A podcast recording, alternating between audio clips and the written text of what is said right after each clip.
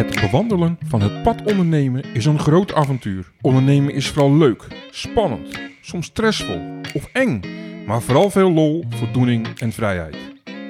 Daar heeft nog behoorlijke tijd tussen gezeten dat ik mezelf bewust business en performance coach ben gaan noemen. Door naar andere ondernemers te luisteren, raak je geïnspireerd, hoor je die tip, krijg je dat ene idee of trap je niet in die valkuil. Zijn heeft meerdere jaren tussen gezeten en ongeveer een paar honderdduizend euro aan investeringen in onszelf. Welkom bij een gloednieuwe aflevering van Het Pad Ondernemen seizoen 2.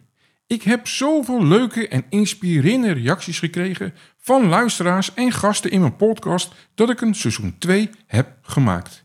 Ik heb er heel veel zin in en ik hoop ook nu weer ondernemers en mensen die willen gaan starten met ondernemen te boeien, op ideeën te brengen en te motiveren in het ondernemerschap. Ik ben verheugd vandaag als gast te introduceren John Slappekorn. John is performance coach, mede-eigenaar bij Lifestyle of Business, waar hij ondernemers begeleidt om van vakmensen uit te groeien tot leiders in hun bedrijf zonder voortdurend aan te staan. Maar wie is John Slabbekorn en hoe is hij op het pad van ondernemen beland? Wat heeft hem ertoe gebracht om coach te worden voor ondernemers, zelfs zonder eerdere ervaring als ondernemer? En wat maakt hem tot een uitstekende coach in een land waar al zoveel coaches actief zijn? In deze aflevering zullen we dieper ingaan op Johns ondernemersreis, zijn visie op coaching en ondernemerschap. Nou, welkom John. Bedankt dat ik hier mocht komen. In het mooie Drenthe. Ja, Schitterend. Dat, dat denk ik wel, ja. Ja, ja je hebt net je, je even hier alles laten zien. eh, hoe je leeft en je tuin. Nou, je, je leeft in een paradijs hier zo. Ja, ja, absoluut. We hoeven ook eigenlijk letterlijk nooit weg. Nee, nee, dat, dat geloof ik. Dat geloof ik. Nou, je hebt zelfs eh, eh, je eigen ijsbad, zag ik gewoon. Ja, ja, je kan niet zonder. Nee, nee, nee, nee. Nou, ik moet ook zeggen, dat past wel bij coach, hè? Zullen we even zeggen, Ja. tegenwoordig een ijsbad. Ja. Ja, het is een beetje opgehyped ook hoor. Wij hadden het nu al een paar jaar, dat ding. Ja. Eh, eerder deelde ik er ook nog wel eens wat over. Maar dat doen nu zoveel mensen, dus ik deel er ook nooit meer wat over. Nee. Ik ga er gewoon één keer per week in en dat Ja. is het. Maar je voelt je daar wel goed bij als je dat doet. Ja, ja, ik doe het dan meestal op zondagavond. Dan is het gewoon even een goede week afsluiten en een goede start van een nieuwe week. Ja. En ja, jij gelooft het of niet, dan doe ik dat meestal om half elf 's avonds. Dus intens koud. Dan ga ik nog even in de jacuzzi zitten om Ja, erop te ja. warmen. En dan ga ik naar bed. En dan heb ik altijd de beste nachtslaap van de week. Oh ja, joh. Fantastisch. Dat zal je vrouw leuk vinden, zo'n kou- zo'n koud, zo'n koud lichaam naast. Nou, die heeft er geen last van, want wij slapen al tien jaar niet samen. Oh, oh, oké, oké. Dat is een heel ander topic. Dat is een andere topic. Dat is voor een andere podcast, ja? Dus, eh, nee, maar weet je wat leuk is, eh, John? Het is mijn eh, eerste aflevering van Sun Tzu 2. Ja, maar ik voel me vereerd. Nou ja, dank je. Vind ik leuk. Mm. Maar jij bent performance en business coach. Ja. Mede-eigenaar bij Lifestyle of Business. Wie is John Slappekorn? Ja, ja daar kan ik eh, een korte en een lange variant. Ik doe een soort van in-between. Ja, dat is goed, joh. Ja, ja, wie is John Kap je vanzelf af. Ja, nee, heel Nee, goed. Mo- Moet, je ook zeker doen. Ja, wie is John Slabbekorn? Ja, eigenlijk in essentie inderdaad eh, de performance en business coach. Dus op het zakelijke vlak. Ja. Maar op het andere vlak zou je kunnen zeggen vader. Van twee Mhm. kinderen inmiddels. Dus vier maanden oud en twee jaar en vier maanden oud. Dus jonge vader. Oh, jonge vader. Inderdaad, ja. Ja. Eh, man van Jeanette. Ja, Wij zijn nu bijna 18 jaar al samen. We waren 15, we waren 16. Toen we samenkwamen, we zijn bijna 10 jaar getrouwd. Dus inmiddels heb ik veel meer rollen gekregen. Eerst heb ik heel lang gehangen in de business, in de zakelijke kant. Identificeerde ik me daar zeg maar mee. Ja. Maar ik ben veel meer gaan leven naar wat we eigenlijk teachen. Eigenlijk het complete plaatje. Die stropdas en die slippen van ons logo. Dus ja, wie is John in een notendop? Dat is die performance en business coach die mensen helpt om meer misbaar te worden in een bedrijf. Zodat ze minder te missen hoeven van het leven. Maar het is zoveel meer dan dat. dus als ik het goed begrijp, je bent business coach, performance coach, maar eigenlijk ben jij dat gewoon. Je, je leeft er ook compleet naar. Ja, exact. Want dan zou ik ook nog aan kunnen, kunnen toevoegen bodybuilder. Ik ben nu op dit moment van opnemen in voorbereiding op een fotoshoot, een bodybuild fotoshoot. Dus je Ah. hebt al zoveel verschillende rollen. Ja, ja, ja, ja, ja. En, en- maar ja, ze hebt het over bodybuilding, je hebt het ook over gezondheid natuurlijk en met je lichaam bezig zijn. Is dat dan ook een deel van performance coach? Ja, 100%. Ja? Per- Kijk, performance coaching. ehm, ik noem mezelf niet bewust niet 100% een business coach. Want er zijn ten eerste duizend miljoen mensen die zich Nou, business coach wel noemen. stellen, ja. Daar kunnen we misschien zo nog wat dieper op ingaan. Ja, Ehm, en dat zijn dan business coaches zonder business, zonder business ervaring. En die één keer een weekendseminar hebben gevolgd. ja. Dus dat, dat vind ik dan niet zo geweldig. Alleen performance coaching, het zit hem in het woord prestatiecoaching, als je hem vrij vertaalt. Ja, tuurlijk. Ja. Dus het is het complete plaatje. Business coaching alleen, dan zou je, dat zou suggereren, volle bak inzoomen op de business targets en alles daarvoor doen. Ja. Maar het is het hele plaatje daaromheen. Want je kan een zeer succesvolle business hebben op het moment dat je, weet ik veel, drie, drie keer gescheiden bent. Je kinderen willen je niet meer zien en je bent eh, 33 kilo te zwaar of zo. Ja, net zoals ik, zeg maar. Ja. Ja, wil ik niet zeggen, maar... ja, nee, maar dan kan je afvragen, ja, is dat dan het succes in het leven? Ja, dan heb je misschien een dikke bankrekening. Ja. Alleen het is zeg maar het totaalplaatje, dus daarom veel meer prestatiegericht. Mooi, mooi. Maar hoe ben jij dan op het pad van ondernemen terechtgekomen? Ja, Want dit doe je niet zomaar. nee, zeker niet. Ik eh, ben ook absoluut geen geboren ondernemer. Eh, sterker nog, ik kom ook niet uit Drenthe. Ik kom uit de Hoekse Waard, onder Rotterdam. Oh joh. Ja, ja, ja. Dus ook echt meer uit het westen, zou ik kunnen Ja, zeggen. absoluut. En mijn familie, op mijn oom en tante na, niemand ondernemer. Dus ik ben daar totaal niet mee opgevoed. Nee. Dus ik was eigenlijk heel traditioneel. Dat was meer, eh John, doe maar nou, doe je gek genoeg. Als je wat wil. Als in, eh, ik was 13 of zo en ik wilde een stereotoren kopen. En dan moest ik er zelf voor werken. Een beetje dat. Ja, ja, ja, ja. Dus op mijn dertiende, vanaf het moment dat je mocht werken, zeg maar, nam ik mijn eerste bijbaantje. Ging folders bezorgen, kranten bezorgen. En ik Zoals ging, iedereen. Hè? ja, zoals de meeste. De meeste. Ja. En, en ik ging bij een biologische boer onkruid trekken in de zomer voor 3,10 euro per uur. En heeft nog steeds niks met ondernemen te maken. Dus ik ging dat pad bewandelen. Ik denk, hé, hey, weet je, ik ga het doen. Ik ga HAVO doen. Dat deden ook de meeste mensen. Ik ga van daaruit eh, HBO doen. Eh, civiele techniek. Dat is bruggen bouwen, tunnels bouwen. Oh ja. En dan word ik ingenieur. Of tenminste, dan ben je ingenieur als je afgestudeerd bent. En van daaruit word ik assistent, uitvoerder, uitvoerder, eh, projectleider. een beetje directeur, een beetje dat. Alles, al- alles was al uitgestippeld eigenlijk in je hoofd. In mijn hoofd wel, ja. Ja. Omdat ja, ik was ook zeg maar binnen die kaders, binnen die, die veiligheid gewoon opgevoed. Ja. En dat deed ik ook. En ik wandelde ook, bewandelde ook dat pad. Dus ik ging ook, ik, ik was uiteindelijk afgestudeerd civiel technicus of ingenieur, hoe je het wil noemen. Ik Mhm. ging ook in de betonbouw werken. Dus ik ging ook die bruggen bouwen en die tunnels bouwen. Ja. Alleen Jeanette, mijn liefdallige vrouw, die dus, eh, waar we al heel lang, waar ik mee samen ben, Ja. die, eh, die is altijd ondernemer geweest. Die komt ook uit een ondernemende familie. Aha. Dus die was het tegenovergestelde van wie ik eigenlijk ben. Die heeft één keer bij de supermarkt gewerkt en toen ging ze jankend weg. Als en ik wil niet voor een baas werken. nee, dus die heeft dat helemaal zelf opgebouwd. Dus die Ja. was eerst in die paardenbusiness. Ja. Oké. Die zat in de paardenbusiness en dat begon gewoon als een hobby. Het bleek Ja. gewoon dat zij heel goed met paarden, dus paardenmak kon maken. Dat was eigenlijk het idee. Paarden fluisteren. Nog, nog een keer? Nou ja, je hebt paarden en, en paarden, daar rijden mensen op. Alleen Ja. heel vaak zijn die paarden en die mensen nog niet goed op elkaar afgestemd, Ja, zeg ja, maar. ja. Dus die mensen kunnen die paarden niet goed bereiden. Ja. En Jeanette die was er goed in. Die was goed in om te zorgen dat die paarden gingen doen wat ze moesten doen. Aha. Dus ja, zij trainde daarin de paarden. Ja, ja. Een soort van paardenfluisteraar. Alleen hoe het vaak gaat als je in een dorpje zit en je bent goed in iets, ja, dan gaan mensen dat doorvertellen. Ja. Dus zij heeft daar een business van gemaakt. Pas 16 of zo begon ze, een beetje toen ik bij haar kwam. Aha. En toen was, eh was het 2012. Toen viel ze van de paard af Oeh. En toen brak ze rug. Nee joh. Ja, ja, ja. Brak ze ruggenwervel. Dat was vlug eh, heftig zat. Nou, dat kan ik me wel voorstellen. Als ik er zo jong ook. Ja, nooit natuurlijk op geen enkele leeftijd. Maar Nee, als je maar, zo jong bent. nee, maar dat was het. Dat was begin 20. Dus Ja. als zij één ruggenwervel lager was gebroken, dan was ze ook verlamd geweest. Wow. Nou, dat was gelukkig niet zo, maar het was wel de opmaat naar ja, de business zoals we het nu hebben. En dan ga ik ook gelijk weer terug naar mezelf. Dus Jeanette is altijd ondernemer geweest. Dus Ja. ja, hoe langer ik met haar was, hoe meer ik dat ook zag natuurlijk. Mhm. Totdat ik een keer thuis kwam, was 2015, begin 2015. Toen zei Jeanette, ik kwam terug van de bouw. Ja. Van half zes tot half zes was ik altijd weg. En zegt Sion, ga even zitten. Toen dacht ik, zo, Ja. dat deed ze eigenlijk nooit. Dat klonk ook best wel serieus. ja, ja, ja, dat snap ik. Ja, ga, ga even zitten. Denk, o- of zwanger, of ziek, of Ja, weet ik veel. Hè? Dus ik ga zitten en zegt, weet je, ik denk dat het tijd is dat je moet gaan stoppen met je baan. Eh, ik zeg, waarom? Nou ja, het wordt tijd dat je bij mij in de business komt. Want inmiddels hadden we een diëtistenpraktijk. Want ja, die paardenbusiness was om zeep.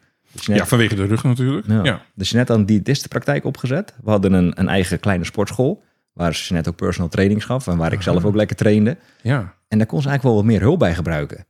Alleen ik had dit dus totaal niet bedacht.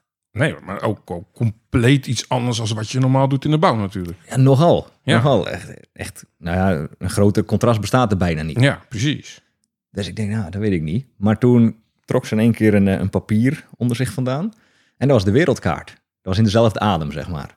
Dat was in de- Oké. Dus ik zat, op, ik zat ja. op die bank op die maandag, was het. En ze, zei, ze zegt dus net, hey John, het is tijd dat je stopt met je baan. Ik was het nog een soort van aan het verwerken. Ja, En toen, ik was nog niet verwerkt. En toen trok ze zo'n eh, een A3 of een A2 papier. hey, Ja. dit is de wereldkaart. En ik heb al een plan gemaakt, zodat wij eh, ja, kunnen gaan wereldreizen en onze business dus samen ook online kunnen maken.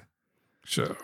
Dat was, even, was twee keer een shock, zullen we even zeggen. Ja, ja, ja. Dus Voor jou dan? Voor mij zeker. Ja, zij was er al een tijdje mee bezig. Zij Ja. zag het ook helemaal voor zich. Ja. En toen eh, heb ik ongeveer acht maanden nodig gehad om te wennen aan dat idee. Daar kan ik me wel wat bij voorstellen. Ja, Gezien wat jij schetst, wat je daarvoor... Hoe jij je eigen, je, je, je eigen carrière al helemaal had uitgestippeld. Ja, maar daar is het joh. Ik, ik was me toen nog niet bewust van wat we nu in coaching het reptiele brein noemen. Dus het gesprek met jezelf, wat je heel de dag door hebt. Dat, Mhm. dat stemmetje, wat Mhm. overal wat van vindt. Ja. Ja, toen had ik een soort van reptiele brein opstand. Dat stemmetje, eh, dat kan niet. Hier heb ik niet voor gestudeerd. Eh, ik ben nog heel erg jong. Hoe kan het eigenlijk met een hypotheek en met, met vaste lasten? Wat zullen andere mensen niet van me vinden? Nou, dat is was het hele orkest wat zich afspeelde. Ja, ja. Nou, daar heb ik ongeveer dus acht maanden over gedaan. Toen kon ik goed aan het idee wennen. Toeval of niet, waarschijnlijk niet. Werd Acceptatie, nou, ook- Belangrijk. Ja. eh, Maar op mijn werk werd het steeds minder leuk. Dat reizen ging me ook steeds meer tegenstaan. Ja, Ja. Zo kwam in één keer alles samen. Ja. En toen heb ik mijn baan opgezegd. En in de tussentijd begon ik als net meer en meer te helpen. Nou, Ja. Toen zijn we samen verder gegaan. Dus ja, hoe ik tot ondernemer ben gekomen is een lang antwoord. Maar wel om mensen te laten zien. Ik ben dus geen geboren ondernemer. Nee, want dat... Je bent nou coach. Ja. Je, je helpt ondernemers. Ja. Je zou mij zo even vertellen wat je precies doet voor ondernemers. Maar je hebt inderdaad zelf nooit onderno- ondernomen. Nee. Vind jij, vind jij dat dat kan? Als je dat zelf nog niet hebt gedaan en je gaat dan ondernemers helpen als coach? Ja, maar de context is wel bepalend. Zoals Ja. altijd. Ja. Want het is niet dat ik direct eind 2015 heb gezegd... oké, ik stop nu als civiel technisch ingenieur in de bouw als, als uitvoerder... Mhm. en ik ga ondernemers coachen. Dat, zo is het niet gegaan. Oké. Daar heeft nog behoorlijke tijd tussen gezeten... dat ik Ah, mezelf ja. bewust business- en performance coach ben gaan noemen. Ja. Als er heeft meerdere jaren tussen gezeten... en ongeveer een paar honderdduizend euro aan investeringen in onszelf. ja, precies. Want ja, hoe, ben je dan, ja, hoe ben jij dan coach geworden? Je zegt net, ja, ik heb eh, heel veel geld geïnvesteerd. Een paar honderdduizend euro heb je het over. Ja. Dat is ook niet zomaar voor iedereen weggelegd. Hè? Van, oh, ik word nu coach, even een paar ton investeren in mezelf. Nee, Maar dat is dan ook, denk ik, een reis geweest. Ja, nee, 100%. Kijk, het was eind 2015, dus ik, eh, ik doe de deur dicht twee dagen op mijn werk. Twee dagen later zitten Jeanette en ik in het vliegtuig naar Bali. Met een backpack en een laptop om gewoon eens te kijken hoe is dat eigenlijk om überhaupt samen te ondernemen Ja. aan de andere kant van de wereld. Maar toen besefte ik me wel, hey, ik zit nu in een bedrijf als een, ik was kostwinnaar en in één keer ben ik eigenlijk een soort van helemaal niks, een total nobody. Jeanette die is in één keer, eh, ja, de, de man-vrouw balans is bijna omgedraaid om het zo te zeggen. Ja. Ik denk, ja, ik moet eigenlijk wel zo snel mogelijk zorgen dat ik iets van toegevoegde waarde kan gaan leveren. Hoe- Ja, hoe ga ik dat doen? Ja, dan heb ik input nodig. Als in, Ja. dan moet ik dingen gaan leren. Dus zeker omdat wij een fysieke business hadden, een diëtistenpraktijk en een sportschool, was allemaal fysiek. Ja. Maar ja, dat is heel moeilijk te draaien als je in Bali zit. Ik, ja, maar ik net zeggen. En je wilde, je vertelde dat straks, ik wil alles naar online. Ja, Diëtist kan ik nog iets bij voorstellen, maar sporten hoor, wat moeilijker natuurlijk. exact. Dus ik denk, nou, dan moet ik om te beginnen maar eens gaan kijken hoe dat allemaal werkt met het online spel. Dus ik moest het hele online ondernemen gaan leren in de vorm van marketing. Ja. Dus toen kwamen we bij, eh bij Eelco de Boer, was dat toen de tijd. Oh ja. Ja. Nog steeds trouwens. Maar dat was onze eerste serieuze investering, althans toen. Was toen 3000 euro. Ja. Vond ik op dat moment een godsvermogen. Ja. Dat is veel geld. ja, Ja. zeker toen, want dat verdien ik per maand niet eens. Nee. Dus wij die training gekocht. En toen ben ik als een malle... Kijk, ik ben wel super gedisciplineerd. En als ik ergens voor ga, dan ga ik er ook voor ongeveer 400% voor. Ja. Dus wat ik heb gedaan, die cursus gekocht. Ik ben gewoon gaan zitten en elke dag ben ik gaan studeren. Ben ik gaan studeren, ben ik filmpjes gaan kijken, ben ik dingen gaan toepassen voor onze eigen business. Ja. Om die business zo snel mogelijk online te krijgen, om die technieken toe te passen. Denk aan webinars, Facebook adverteren, Ja, ja, de, gratis weggevers, gewoon de hele rambam. Ja. Ben ik toen allemaal gaan leren in een hele korte tijd. Maar toen kwamen we er ook achter, hey, als wij ons willen omringen met, of als wij badasses willen zijn in business, ja, dan zullen we ons moeten omringen met badasses in business. Ja, snap ik. Daar kwamen we eigenlijk al vrij snel achter. Dus ongeveer twee maanden nadat ik gestopt was met mijn baan, kwamen wij te spreken met een business coach. Via via kwamen we, je moet eens met Otto spreken. En Otto was van, toen de tijd van Straight Line Leadership, de Straight Line Business School. Ik denk, oh, dat klinkt goed. Man, allemaal in stropdas en zo. Laten we daar, eens, mee, ja, ja, laten we daar eens mee spreken. Dus wij spreken met Otto. Super schattig. Jeanette en ik zaten zo naast elkaar achter de camera. Via Zoom was dat. Ja. En aan het eind van het gesprek, na een uur, echt inzicht na inzicht na inzicht, de- deed hij fantastisch. En ik wist niet hoe dat werkte, zo'n gesprek. Ja. Dus aan het eind zegt hij, hey, wat denken jullie ervan? Ik heb hier een drie maanden programma. En eh, ja, ik denk dat het perfect is voor jullie. En ik ben wat meer behoudend. Ja, Jeanette, ja, ja. Jeanette is wat meer impulsief. Ja. Dat maakt ons ook wel een goede combi. Maar zij zegt, eh nou is goed. En ik had weer opnieuw zo'n reptielenbrein aanval. Ja, precies. Ik denk, hè, maar waar zeg je ja tegen? We weten nog niet eens de prijs. Uh, we weten eigenlijk nog niks. Uh, ik zeg, wacht even, wat, wat kost dat eigenlijk, Otto? Ja, ja. Een klassieke fout eigenlijk, hè? want ja, in feite het is meer een investering dan dat het een kost is. Maar ja, dat, dat, wist ik toen nog niet. Nee, nee. Hij zegt, ja, dat zal ik je vertellen, dat is 10.000 euro. Oh. Per persoon. Ja. Ex-BTW. Ja. dat was 24.000 euro. Ja. Ik zeg, ah, oké. Maar toen wist ik nog niet hoe dat spel werkte. Dus ik, ik dacht dat we twee maanden de denktijd hadden of zo. Ik zeg, nou, dat is goed. Dan gaan we even over nadenken. Je kent dat wel. Ja. Hij zegt, is goed. Um, woensdag, en het was maandag, woensdag uh, bel ik weer. Dan wil ik het weten. Ik zeg, oeh, twee dagen. Ja. Toen dacht ik al, er wordt niks. Want we hadden dat geld ook niet op de rekening. Oh, je moest zelfs nog naar de investering zoeken, zo maar even zeggen. Ja, ja. Maar net had gezegd, dat is goed, doen we. Dus we hangen op. Ik zeg, uh, we hebben de geld toch niet? Dat kunnen we niet doen? ja, ja, dat snap ik. Ja, zei, ja, dan moeten we het maar mogelijk maken. Oké, okay, Jeanette is altijd... Daarom zijn we ook zo ver gekomen. Omdat Jeanette altijd net wat impulsiever is. En, en ik ben meer een rem. En dat werkt heel goed. En toen werkte dat heel goed. Dus wij hebben gewoon heel simpel gezegd... Laat me een lijstje maken. Want we zagen wel echt de toegevoegde waarde van die investeringen. Ja. Om gewoon zo snel mogelijk te kunnen groeien. En wij maken een lijstje. En de eerste op dat lijstje was mijn vader. Alleen ja, ik heb net al verteld... Uh, ik kom niet uit een ondernemende familie. Dus ik denk, dan beginnen we met, zoals wij dat in coaching noemen, train op deadbeats. Als in, ja, gewoon trainen op mensen waar je eigenlijk niks van verwacht. Ja, ja, dan kan je in ieder geval je verhaal oefenen. Ja, ja, ja, ja. En het is gelukt. Uh, ja, dus, wij, dus ik bel mijn vader op en ik leg hem dit uit. Vanuit een bepaald soort enthousiasme vertellen Ja, wij dat ja. verhaal. En ik denk, hij zegt toch nee.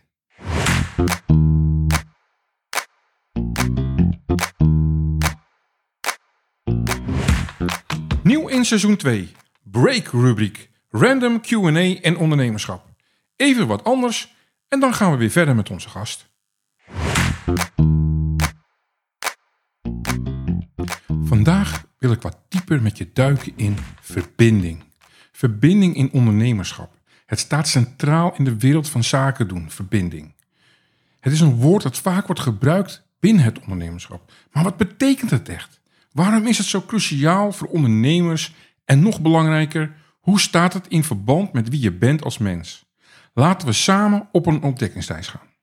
Als ondernemers zijn we vaak gefocust op onze doelstellingen, strategieën en resultaten. We streven naar groei, winst en succes. En dat is begrijpelijk. Het zijn de drijvende krachten achter ons bedrijf. Maar te midden van al deze zakelijke prioriteiten is er een aspect dat soms over het hoofd wordt gezien. De kracht van verbinding.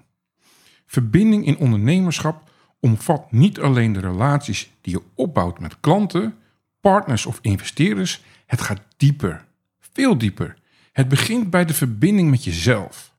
Wie ben je als ondernemer? Wat zijn je kernwaarden, je passies en je drijfveren? Deze vragen vormen het fundament van je zakelijke identiteit. Het begint met het begrijpen van jezelf, van wat je beweegt en motiveert. Als je in staat bent om een diepe verbinding met jezelf te creëren, kun je betere beslissingen nemen die in lijn zijn met je persoonlijke visie. Zoals jij bent. Je zult merken dat je zakelijke keuzes, beslissingen meer doordacht en authentiek zijn. Het gaat niet alleen om wat je doet, maar ook om wie je bent. Naast de verbinding met jezelf is er de verbinding met anderen, je klanten, je team, je partners en je community. Deze relaties zijn de bouwstenen van je onderneming. Ze kunnen je bedrijf maken of breken. Het opbouwen van sterke, duurzame relaties vereist oprechte aandacht en zorg. Het gaat verder dan alleen zakelijke transacties. Het gaat om luisteren naar de behoeften van je klanten, het ondersteunen van je team en het bijdragen aan je gemeenschap. Verbinding met anderen is niet alleen gebaseerd op wat je kunt nemen, maar vooral op wat je kunt geven. Het gaat om wederkerigheid, vertrouwen en het delen van waarde. Wat maakt verbinding in ondernemerschap zo krachtig? Het is de integratie van deze twee aspecten. De verbinding met jezelf en de verbinding met anderen. Als je diep verbonden bent met je eigen waarden en doelen, kun je authentieker zijn in je zakelijke relaties. Je kunt relaties opbouwen die gebaseerd zijn op gedeelde overtuigingen en visies. En dit leidt tot meer betrokkenheid, loyaliteit en succes. Verbinding gaat verder dan alleen zakelijke succes. Het heeft ook een diepgaand effect op je persoonlijke groei. Wanneer je jezelf begrijpt en je verbonden voelt met anderen, groei je als mens. Groei je als ondernemer. Je leert over empathie, communicatie en het begrijpen van verschillende perspectieven. Je ontwikkelt veerkracht en de capaciteit om met uitdagingen om te gaan. Je wordt niet alleen een betere ondernemer, maar ook een betere mens. Verbinding in ondernemerschap is dus niet alleen een strategie, het is een levenswijze. Het gaat over het creëren van waardevolle relaties met jezelf en met anderen. Het gaat over groeien, zowel zakelijk als persoonlijk. Terwijl wat dieper in die wereld van verbinding in ondernemerschap duiken, wil ik graag een speciale aankondiging met jullie delen. Het is tijd om deze inzichten in de praktijk te brengen en onze connecties te versterken. Daarom zijn we verheugd om aan te kondigen dat er een geweldige evenement op komst is, dat precies hierover gaat. Verbinding in ondernemerschap. Op donderdag 16 november 2023 in Tilburg. Dus donderdag 16 november in Tilburg organiseren we Rise Up Your Business. Verbinding in ondernemerschap. Een business event dat ondernemers de kans biedt om te leren, te groeien, netwerken en te verbinden. Met gelijkgestemden die streven naar succes met een diepere betekenis. We hebben enkele van de meest inspirerende sprekers en experts op het gebied van verbinding en ondernemerschap samengebracht. Om inzichten te delen die je niet zo snel op één dag bij elkaar zult vinden. Of je nu op zoek bent naar manieren om financiële stress te vermijden, te innoveren binnen toekomstige mobiliteit, krachtige verhalen te vertellen of de geheimen van het brein in je voordeel te gebruiken, onze netwerkevenement biedt het allemaal. We zullen niet alleen praten over verbinding, we zullen het ervaren, delen en verdiepen. Ga naar bridgepower.nl en klik op Rise Up Your Business. Of ga naar LinkedIn of Instagram. Mijn persoonlijke LinkedIn of Instagram. Daar zie je wie de sprekers zijn en meer informatie over het business event. Dus, donderdag 16 november in Tilburg, Rise Up Your Business, het business evenement. Let op, koop nu met korting je early bird tickets. Er zijn maar 100 plaatsen beschikbaar. Dus, donderdag 16 november in Tilburg. Let op, koop nu met korting je early bird tickets. Er zijn maar 100 plaatsen beschikbaar. Dus ga naar bridgepower.nl, klik op Rise Up Your Business of ga naar mijn LinkedIn of Instagram en wees er op tijd bij als je dus die grote korting wil hebben op de tickets. En hij zegt, nou, ik geloof er eigenlijk wel in. Uh, ik, ik, ik leen jullie dat geld. Schitterend. En, want we hadden zelf maar een paar duizend. Dus volgens mij uh, op diezelfde dag nog had hij 15 of 16.000 overgemaakt. En konden wij meedoen met, konden wij die investering doen. Dat is uiteindelijk de beste keuze geweest die we ooit konden maken. Om een hele simpele reden. Heel veel mensen vinden het spannend om geld te lenen voor coaching. Mhm. Alleen, wij waren zo overtuigd van onszelf, maar ook van nou ja, dat programma. Ja, ja. Ik denk, hey, als we onszelf met de rug tegen de muur zetten door extern geld, ja, dan gaan we nog harder lopen, want dan willen we zo snel mogelijk dat geld ook terugbetalen. Ja, natuurlijk. Er zit uh, een stok achter de deur. Ja, exact. En dat hebben we ook gedaan. En na die drie maanden, toen dat traject was afgelopen, toen waren we in omzet. We deden nog niet zoveel omzet hoor, maar we waren keer drie gegaan. Van iets van 3000 per maand naar 10.000 per maand, zoiets. Ja. In die slechts drie maanden tijd. Dat maakte dat we in omzet het geld hadden terugverdiend, maar nog niet, nog niet in winst. Maar we konden al een heel groot deel terugbetalen. Ja. Alleen hebben we het toen niet gedaan, want het werkte. En als iets werkt, wil je het blijven doen. Dus toen hebben we gezegd, Otto, dit werkte. Kunnen we dan nu voor een jaar met je doorgaan in een jaar één op één coaching? Aha. En dus je hebt je herinvesteerd. Ja, en toen, ja, want als iets werkt wil je er meer van doen. Ja. Dus wij hebben dat gedaan. We zijn een jaar in coaching gestapt. Toen was het niet meer 10.000 per persoon. Het was gewoon 10.000 met ons tweeën. Um, of 15, ik weet het niet meer exact. Ja, het, ja. het, was een iets ander traject. En ja, de, dat was eigenlijk de kickstart. Terug naar eigenlijk wat je ook vraagt. Van hoe, hoe kan dat eigenlijk? Hoe word je dan coach? Um, toen was het nog steeds mijn, niet mijn idee om coach te worden. Want ik was de persoon achter, op de achtergrond. Jeanette was het gezicht van het bedrijf. Ja. Ik was meer de backend als in online marketing leren. Zorg dat die, die hele strategieën worden uitgewerkt.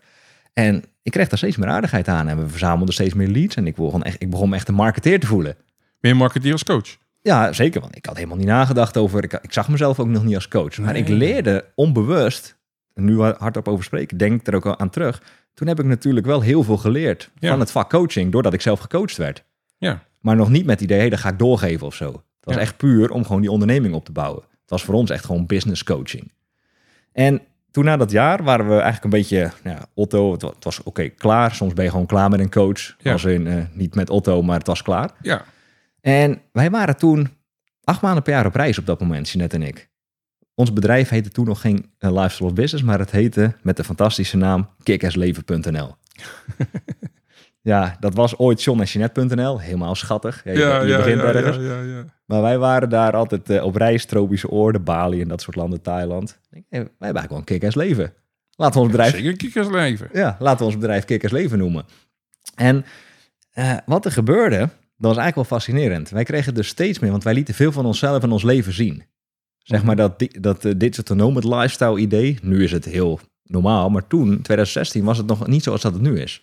Nee, nee, nou, ik moet eerlijk zeggen, ik vind het nou tegenwoordig overdreven wat het, hoe het hoe Ja. dat naar buiten wordt gegooid. Ja, ja, natuurlijk. Tegenwoordig zit iedere 18-jarige op Bali en noemt zich life coach. Ja, precies. En dan zie ik alleen maar fotootjes voorbij komen van, ja, ondernemers die eh, inderdaad eh, aan het strand met hun laptopje zitten. En ik zie alleen maar van, da- daar, heel eerlijk, daar geloof ik niet in. Nee, eh, wij ook niet. Daarom hebben we uiteindelijk die rebranding doorgemaakt. Alleen ehm, om even kort dat punt nog te maken, hoe wij dan tot hier zijn gekomen, ook voor onze eigen geloofwaardigheid. Dus wij kregen steeds meer de vraag van mensen: hey, hoe- dat ziet er cool uit, kun je ons daarbij helpen?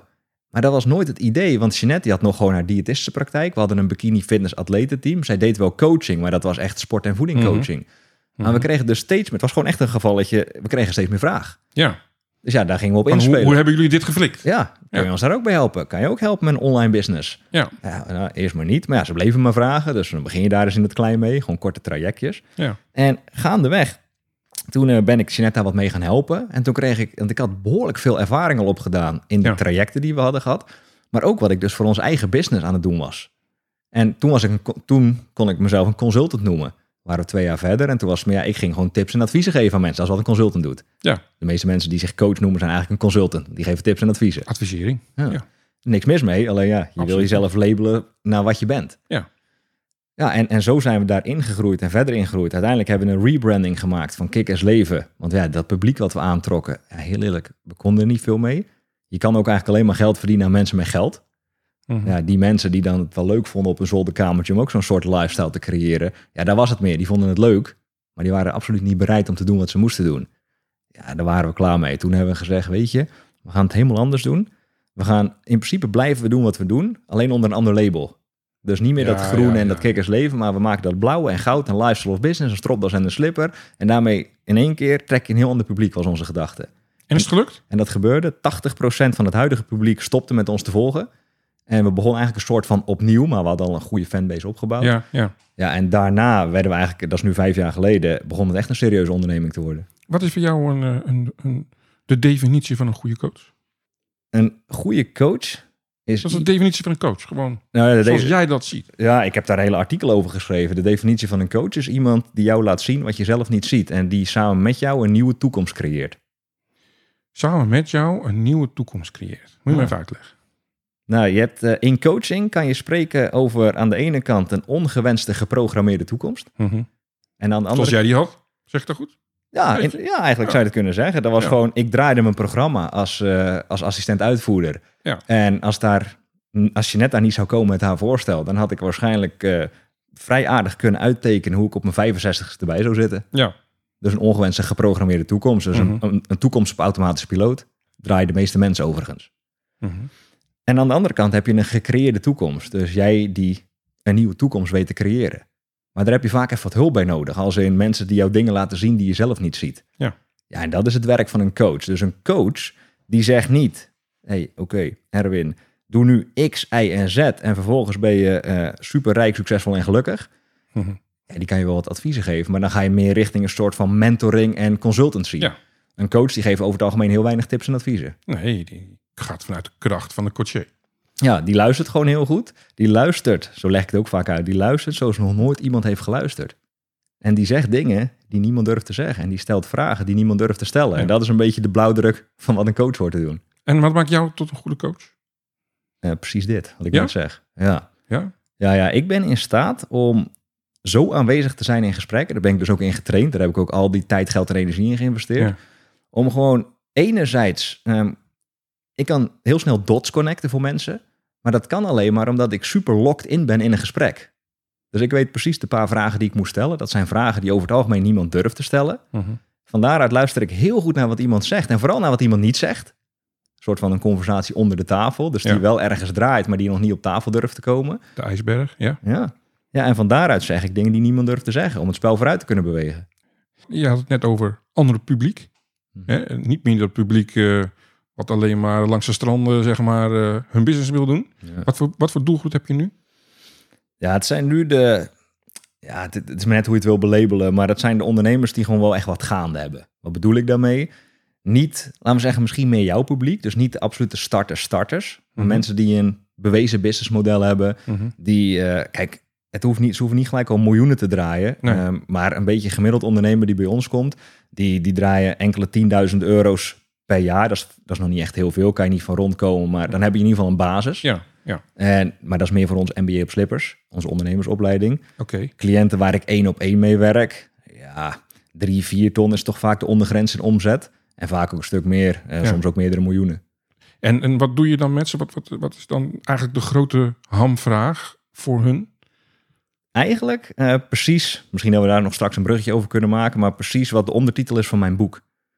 Het boek heet Relax Vlammen, want in essentie willen mensen relaxed vlammen. Dat Ja. ga ik uitleggen. De meeste ondernemers, jij zal het vast ook herkennen, die zijn verschrikkelijk goed in vlammen. Dus altijd Mhm. mouwen opstropen gaan, altijd maar Ja, aanstaan en gewoon 80 uur per week doen wat ze moeten doen. Ze zijn vaak niet zo goed in het relax gedeelte. Relax vlammen, de definitie zoals wij dat noemen, dat is gewoon je grote doelen en ambities eh, altijd wel bereiken, maar met een doorlopend vakantiegevoel. Hmm. Dat is waar de meeste ondernemers... Ja, dat vind ik, vind ik moeilijk hoor. Ja, dat vinden de meeste Ja, dat ondernemers. vind ik. En de ondertitel van mijn boek, dat is eigenlijk echt de aangescherpte waardepropositie sinds, nou ja, sinds een paar maanden. Meer misbaar worden in je bedrijf, minder missen van het leven. Ja.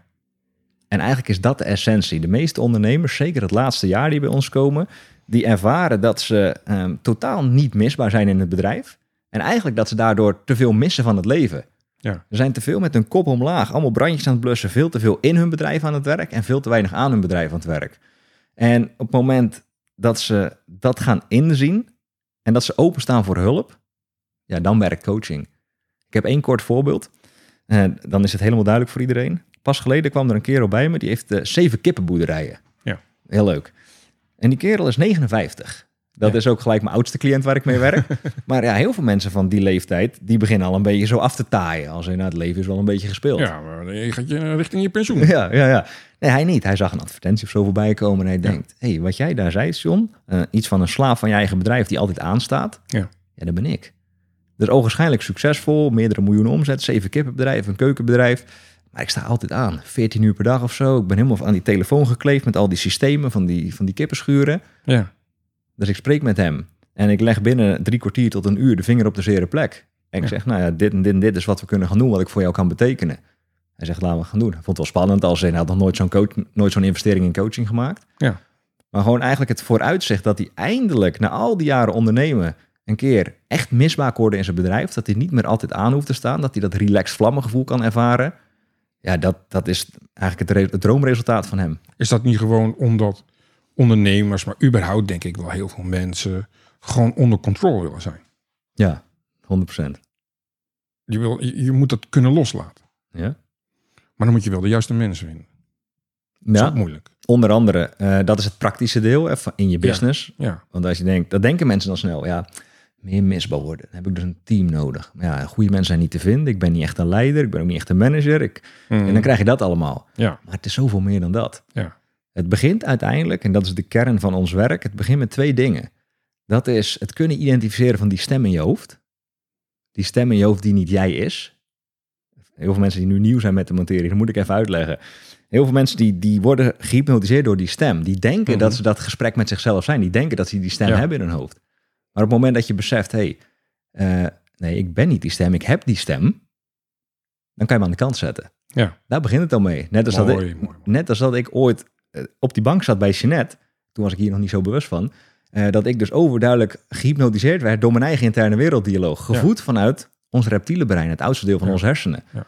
En die heeft twee taken. Ons fysieke lichaam beschermen tegen de dood. Dat is een goed iets. Mhm. Overlevingsdrang. Exact dat. Maar de andere taak, zowel minder werkbare, die wil elke vorm van verandering voorkomen. Mhm. Die wil alles houden bij wat hij kent. Hoe, laten we zeggen, fucked up het soms ook is, wat je kent. Mag ik het dan, dan samenvatten als... Jij leert hun om uit hun comfortzone te komen? Ehm, ja, dat is een heel groot deel. Een heel groot deel van het werk. Wij hebben vier tegenstrijdigheden in, in de kern van ons werk. Ik heb er net eentje genoemd, relax vlammen. Ja. Dat is zeg maar de ultieme. Ja. Maar die eerste van de vier is comfortabel discomfort. Je zal altijd eerst comfortabel moeten worden met het oncomfortabele. Ja, iets anders is er niet. Dat moet je eerst ervaren. Hoe ik dat vaak uitleg, is in business context, in sales. Heel veel ondernemers weten wel, ja, ja, ik heb eigenlijk meer omzet nodig. Hoe kom ik aan meer omzet? Ja, dan moet ik eigenlijk gewoon eh, oldschool telefoon oppakken en mensen bellen en verzoeken doen. Eigenlijk heel simpel gezegd. Ja, ja, ik bel eigenlijk nooit. Mensen zitten ook niet echt op me te wachten. Dus ze vinden ze heel oncomfortabel. Ja. Totdat ze besluiten, oké, hey, ehm, ik heb het John beloofd, of met wie, welke coach dan ook, een accountability partner. Mhm, mhm. Komende week ga ik 25 mensen opbellen. Dus ze Ja. maken een lijst. Ze gaan die mensen bellen met een droge mond, met zweetoksels. En vinden het super spannend, heel oncomfortabel. En dan bellen ze die mensen en de eerste paar gaat wat moeizaam, maar ze worden er comfortabeler mee. Dus ze worden comfortabel met het oncomfortabele. Ja, kracht van herhaling. Ja. Maar als we dan gelijk even doorgaan met de andere twee tegenstrijdigheden. Ja. De tweede van de vier is onbewogen veerkracht.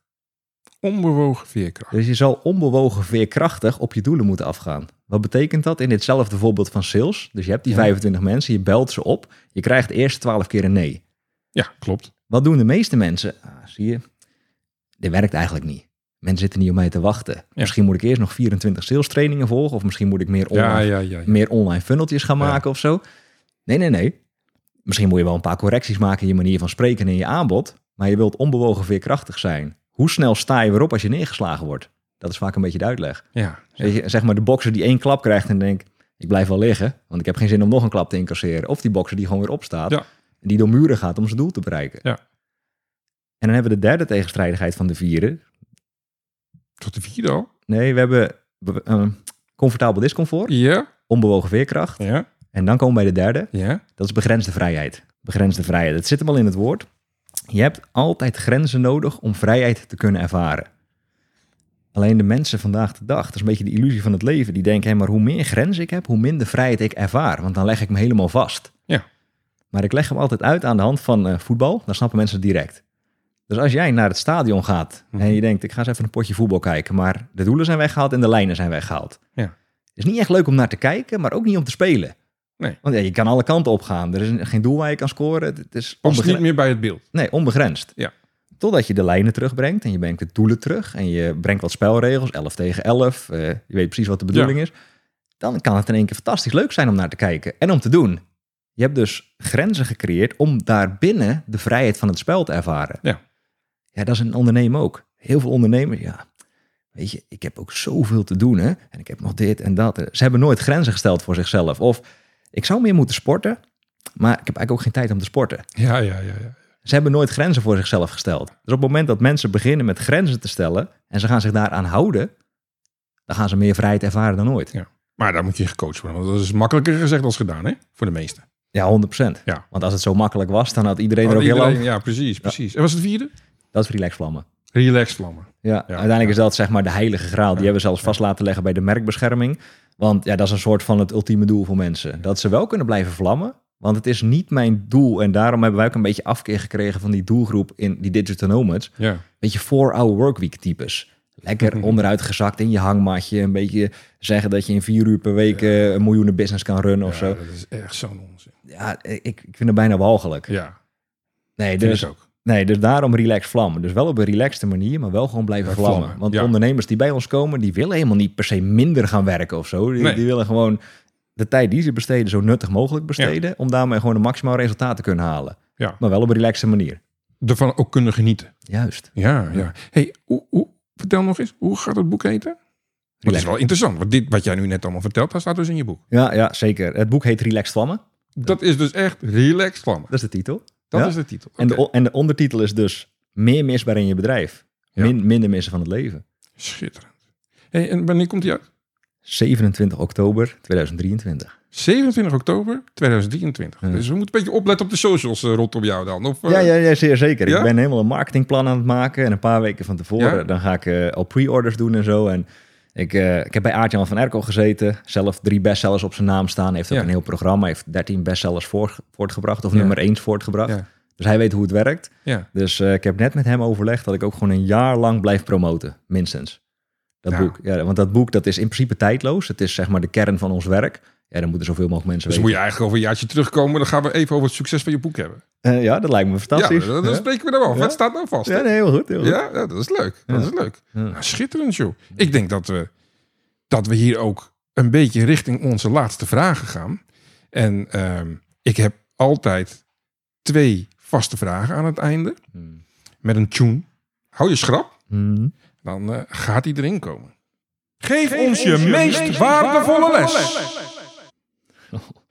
Oh, daar kan ik 12 uur over doen. Maar ja, dat, dat mag niet. dat, Wordt boldig, eh, John. dat, dat gaan we niet doen. Ehm, ja, dan geef ik de les die mij het meest heeft gebracht. En dat is dus, ik heb hem ook al verklapt eerder deze podcast. Zo snel mogelijk beginnen met de juiste mensen om je heen zoeken. Met investeren in jezelf. En dit klinkt misschien een beetje als een open deur. Maar dit heeft voor ons alle verschil gemaakt. Tot de dag van vandaag hebben wij nog steeds zelf één op één coaching. We hebben nu bijna acht jaar lang doorlopend coaching. Ja, elke keer wel van verschillende coaches in verschillende vlakken. Eh, wel op verschillende vlakken, ook wel inmiddels een paar verschillende coaches, maar in principe werken we jarenlang met een coach. Oké. En heel veel mensen denken, hoe kan dat nou? Want je bent toch al een keer klaar? Nou, over het algemeen groeit je coach als het goed is ook door. Ja, ja. En we hebben wel op meerdere vlakken. Dus we hebben echt meer op het, op het leiderschapsgedeelte. We hebben vaak ook eh, meer de marketing, business kant. En zo ontwikkelen we door waar we dat nodig denken te Ja. hebben. Alleen, waarom wij nu staan waar we staan, waarom wij kunnen wat we kunnen, waarom wij, ik denk er echt uitspreken, uitspringen in de wereld van coaching qua competentie Mhm. in een relatief korte tijd, is omdat wij, het bedrag wat ik nu ga noemen is niet om stoer te doen, want dat brengt mensen dan in hun hoofd, maar om te laten zien welk spel wij bereid zijn te spelen. Ja. We investeren ongeveer tussen de 110 en 130.000 per jaar in onszelf. Je zei het in het begin van de podcast. Ja. Jij, jij bent de coach. Dit is jouw leven. Ja. En als jij een bedrijf hebt, dan ga jij ook investeren in je bedrijf. Ja. Alleen, jullie zijn het bedrijf. Ja. Is natuurlijk over het algemeen is dat zo hè, bij een ondernemer. Maar bij jou natuurlijk nog, bij jullie, sorry, je vrouw ook, nog veel meer. Dus dat, is helemaal, dat is helemaal geen gek getal. Nee, nee. Maar want- ik kan nog sterker vertellen, de meeste bedrijven investeren meer. ja, natuurlijk. Ja. Natuurlijk, want het is in die zin onze inkoop. Ja. Ja. En hoe meer, en tenminste niet per se hoe meer, maar hoe beter wij inkopen, hoe beter we weer kunnen verkopen. Absoluut. Dat is het hele. Maar ook ondernemers die geen coach zijn in dit luisteren, eh, dan nog steeds raad ik aan. En dan spreek ik niet voor eigen parochie, want je hoeft niet eens bij ons te komen. Maar eh, doe je huiswerk en zoek de persoon die jou verder kan helpen. Dan sluiten we daar deze mee af. Ja. Komt de volgende aan. De laatste ronde. De ondernemersuitdaging. We hadden als laatste vraag altijd de vraag: hoe ga je om met tegenslagen en of heel vaak nee krijgen als ondernemer? Dat was een hele interessante vraag en kwamen altijd boeiende antwoorden uit. In seizoen 2 hebben we een nieuwe vraag die we bij elke gast gaan stellen. Hier komt die zo. In welke valkuil zou jij nu niet meer stappen als ondernemer? Dat is een hele makkelijke. Die heb ik beschreven in mijn boek. Dan zou ik veel eerder dingen loslaten en uitbesteden. Nog eerder. Ja, nog veel eerder. Ja? De eerste paar jaar heb ik veel te lang alles zelf willen doen. Vanuit een bepaalde controle. Omdat ik nou eenmaal dacht alles het beste zelf te kunnen doen. Nou, schitterend. Mooie les toch? Denk ik wel. Voor andere ondernemers. Denk ik wel. Loslaten. Ja, je bent eh, absoluut niet een unicorn die alles het beste kan of zo. Er zijn echt veel mensen die het veel beter kunnen. Je wilt zo snel mogelijk ontdekken voor jezelf waar jij absoluut het beste in bent. Of zoals wij dat in coaching noemen. Je hebt een verschil tussen 10 euro per uur, 100 euro per uur en 1000 euro per uur taken. Jij wilt weten wat jouw 1000 euro per uur taken of taken zijn. En daar wil je eigenlijk 80% van je tijd mee bezig zijn. Alles daaromheen kunnen andere mensen doen. Schitterend. Dan gaan we hiermee afsluiten. 27 oktober, jouw boek. Ja. Gaan we in de gaten houden. En eh, over een jaar spreken we elkaar weer. Dan wil ik, dan wil ik alle, alle, heel het avontuur van het afgelopen jaar weer horen natuurlijk. Ja, Eén vraagje, misschien is dat leuk Ja. ook voor je luisteraars. Dat hebben we ook niet voorbesproken. Ja. Eh, zou het tof zijn als ik jou een paar boeken, eh, na tegen de tijd als ze klaar zijn, ga opsturen. En dat jij er een paar kan weggeven aan je luisteraar. Ah, dat vind ik leuk. Dat doen we. Ja, Afgesproken, John. nou, mooi, doen we dat. Oké, bedankt. Ja, jij ook bedankt. Bedankt voor het luisteren en in de volgende aflevering mag ik Janine van Vliet ontvangen als gast. Zij is een award-winning geldstroomexpert voor ondernemers en de beste Profit First Professional in Nederland. Heb je een uitdaging waar je niet uitkomt? Heb je hulp nodig bij je avontuur als ondernemer? Of ken je iemand anders die hierbij hulp nodig heeft? Wij kunnen je helpen. Ga naar bridgepower.nl en kies contact. Dit kan ook via de social media kanalen. Ik of mijn collega's nemen dan snel contact met je op. Wil je niks missen en alle podcastafleveringen overzichtelijk onder elkaar? Abonneer je dan op deze podcast. Klik in je podcast-app op subscribe of abonneren. En als laatste, je zou me enorm helpen door een review bij mijn podcast te plaatsen. Ga naar de podcast-app waarmee je deze podcast luistert en klik op reviews. Je kan dan bijvoorbeeld 5 sterren geven of een geschreven review achterlaten. Alvast bedankt en tot de volgende podcast van Het Pad Ondernemen.